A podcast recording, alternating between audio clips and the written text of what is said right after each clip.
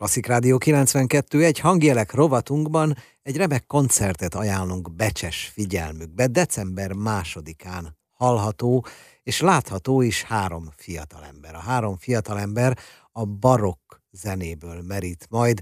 A hangszerek trombita, cemballó és cselló. Mi Boldocki Gábor trombita művésszel beszélgetünk, de nem csak a koncertről, amikor együtt lép fel majd Dinyés Somával, illetve Fenyő Lászlóval, hanem egy picikét magáról a hangszerről, annak lehetőségeiről, úgyhogy fújja, fújja, önök pedig hallgassák. Szeretettel köszöntöm a kedves hallgatókat. Én azt hiszem, ez a hangverseny egy nagyon-nagyon izgalmas műsor, és egy izgalmas összeállítás, ugye a trombita, csembaló és a cselló triója.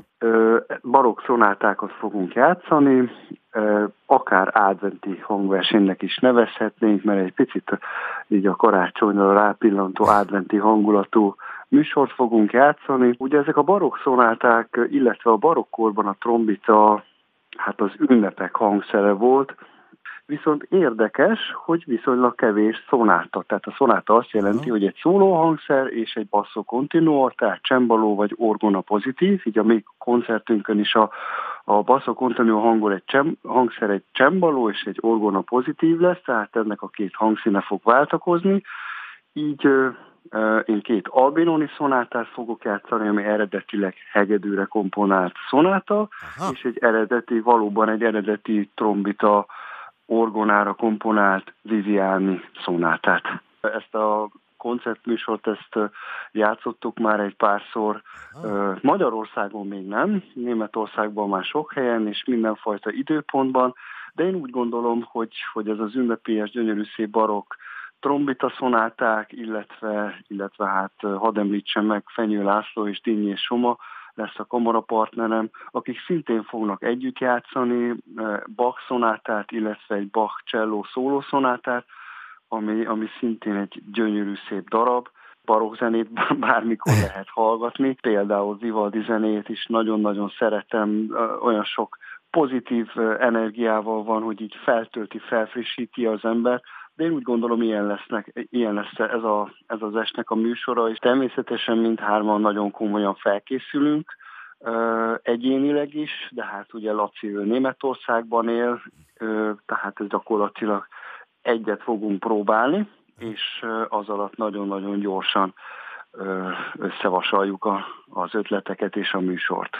A Magyar Zeneháza feltett szándéka az összekapcsolás ez tulajdonképpen nem is egy ilyen nagyon feszes hangulatú, merev koncert lesz, mert, mert beszélgetni fogunk közben, tehát a zenéről, illetve hát lesz egy kis beszélgetés a darabok között, lehet, hogy a darabokról, lehet, hogy ez még számomra is meglepetés, Tehát én úgy gondolom, hogy egy közvetlen hangulatú hangverseny lesz, ahol egy nagyon különleges párosítás, mert én igazából nem ismerek más ilyen felvételt, ahol trombita ebben az apparátusban és ilyen előadókkal játszik együtt.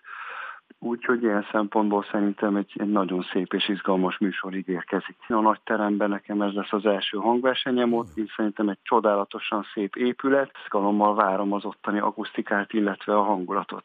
Nyilván nem szorul védelemre és védőbeszédre a trombita, de hol van ma a helye? Ismerjük, elfogadjuk? Tudjuk, hogy ugye a királyok, hercegségek, ők nem vonultak csak úgy ki az utcára, hogy ne lett volna egy, egy, egy trombita fanfár, vagy egy trombita szó, tehát az ünnepek hangszere abszolút a trombita. Aztán érdekes mód a klasszika korában ebből a szólisztikus, szólisztikus hangszerből egy tutti hangszer lett, ami a zenekarban a hangszínek, vagy egész egyszerűen hangerő felerősítésére szolgált. Aztán jött a barokk korszak, amikor megjelent ventilekkel ellátott trombita, ahol már minden hangot meg lehetett szólaltatni, tehát nem csak a natur skála hangjait, és aztán valószínűleg a romantikus zeneszerzők, például Richard Strauss Mahler, akik már nagyon-nagyon nagy szeretettel használják a, a, a műveikben a trombitát. Lehet, hogy ezek a darabok inspirálhatták a mai zeneszerzőket, hogy elkezdjenek komponálni ismét a trombita számára, és hát én is, mint szólista, én is fontos feladatomnak tartom, hogy motiváljam, illetve meg találjam a kapcsolatot a mai zeneszerzőkkel, és hogy minél több darab szülessen a trombita számára. Én úgy gondolom, nagyon-nagyon színes hangszer a trombita, eleve van pikoló trombita, szánykült trombita, uh-huh. Ezekkel, tehát ezen a három különböző hangszeren fogok egyébként ezen a koncerten is játszani. Sokfajta szordinónk van, tehát nagyon sokfajta hangszínen tudunk játszani. Van ugye a jazz is, azt is ismerjük, és én úgy gondolom, hogy a trombita egy közkedvelt hangszer lett, és, és hát nagyon örülök, hogy például ebben az évben nekem is négy ős bemutatón volt, Fázil Száj, Ötös Péter, egy koreai, zeneszerző Jean Rui és Nina Schenk darabjáit adhattam elő. Folytatjuk még a beszélgetést Boldocki Gábor, Liszt Ferenc és Bartók Pásztori díjas trombita művésszel, de nem csak a Glória koncertről, ami majd december másodikán élvezhető a Magyar Zeneházában. Klasszik Rádió 92.1 hangjelek rovatunkban ugye a Glória koncertre invitáljuk önöket december másodikára a Magyar Zeneházába, ahol Boldocki Gábor, Liszt Ferenc és Bartók Pásztori díjas trombita művész is játszik, majd Dinyes Somával és Fenyő Lászlóval.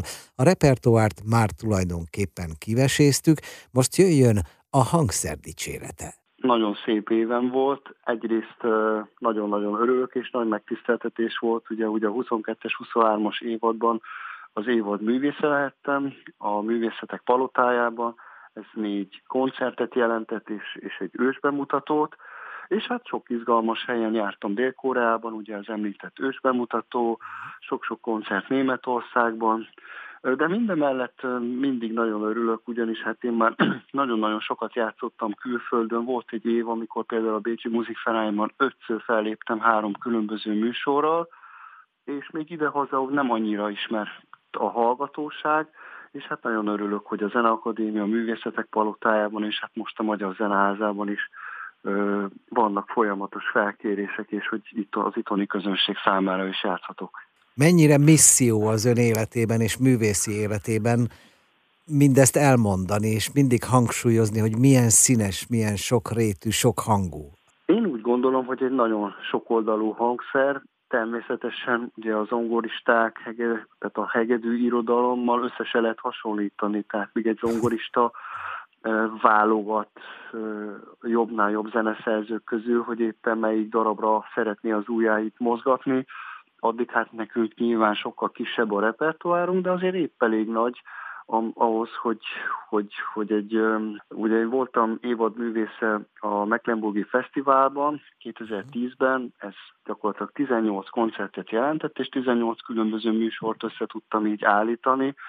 A barokk irodalomtól kezdve ugye a, a, a kortárs zeneirodalmig, tehát vannak lehetőségek a trombita számára, és én nagyon izgalmasnak találom egyébként az átiratokat, az átiratok világát, a barok natur trombita ugye az a natur skála felhangjait tudta megszólaltatni, viszont a mai kromatikus trombitával minden egyes hangot meg tudunk szólaltatni, így én úgy gondolom, hogy, hogy vannak olyan barok darabok, amik gyönyörűen szólnak a trombitán, és, és én nagyon szeretek egyébként olyan darabokat is gyakorolni, ahol a trombita nem arról szól, hogy harsányan, élesen szól, hanem éppen egy gyönyörű, melankólikus, éneklő lassú tételt lehet rajta kifejezni.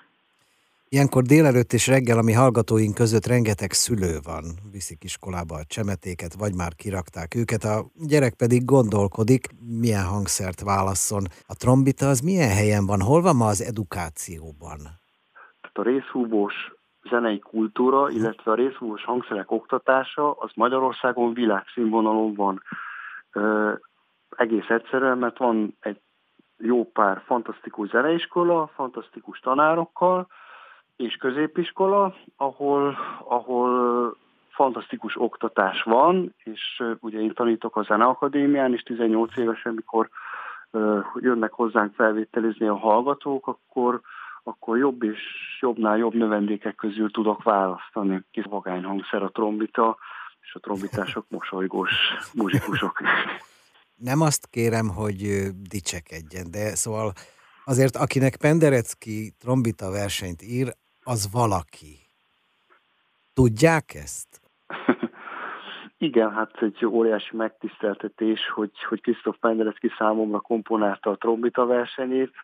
Ez is egy érdekes történet tulajdonképpen, mert a Penderecki a Haydn trombita versenyéhez komponált három kadenciát, és hát én úgy gondoltam, hogy azért mielőtt ezzel kiballagok a színpadra, nagyon jó lenne a mesternek eljátszani, és ez olyan jól sikerült ez a találkozás, hogy akkor fogad meg a gondolat, hogy te jó lenne, hogyha olyan sok koncertót komponált már, odáig 25-öt, a trombita verseny lett a 26. versenyműve, és bizony 8 évet kellett várni, illetve hát folyamatosan emlékeztetni őt rá, készült, készült a darab, és aztán utána hát nagy boldogság, mert ugye ez az utolsó versenyműve, hmm. amit komponált, és hát valóban nagyon nagy öröm, hogy, hogy elkészült a darab, és hát nagy megtiszteltetés, hogy, hogy számomra komponálta. Van-e olyan oldala Boldocki Gábornak más művészeti ágakban, feste titokban, amiről mi nem tudunk, íre, szereze zenét? Van-e titok még?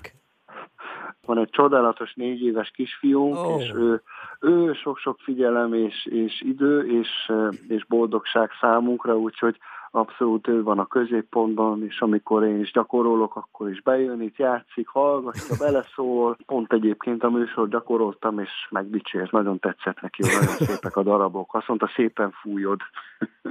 Köszönjük, hogy szakított ránk időt a zsúfolt nemzetközi cikázásai közepette. Boldocki Gábor, Liszt Ferenc és Bartók Pásztori díjas trombitaművész, és ne felejtsék el december másodikán irány a Magyar Zeneháza egy andalító Glória koncertre.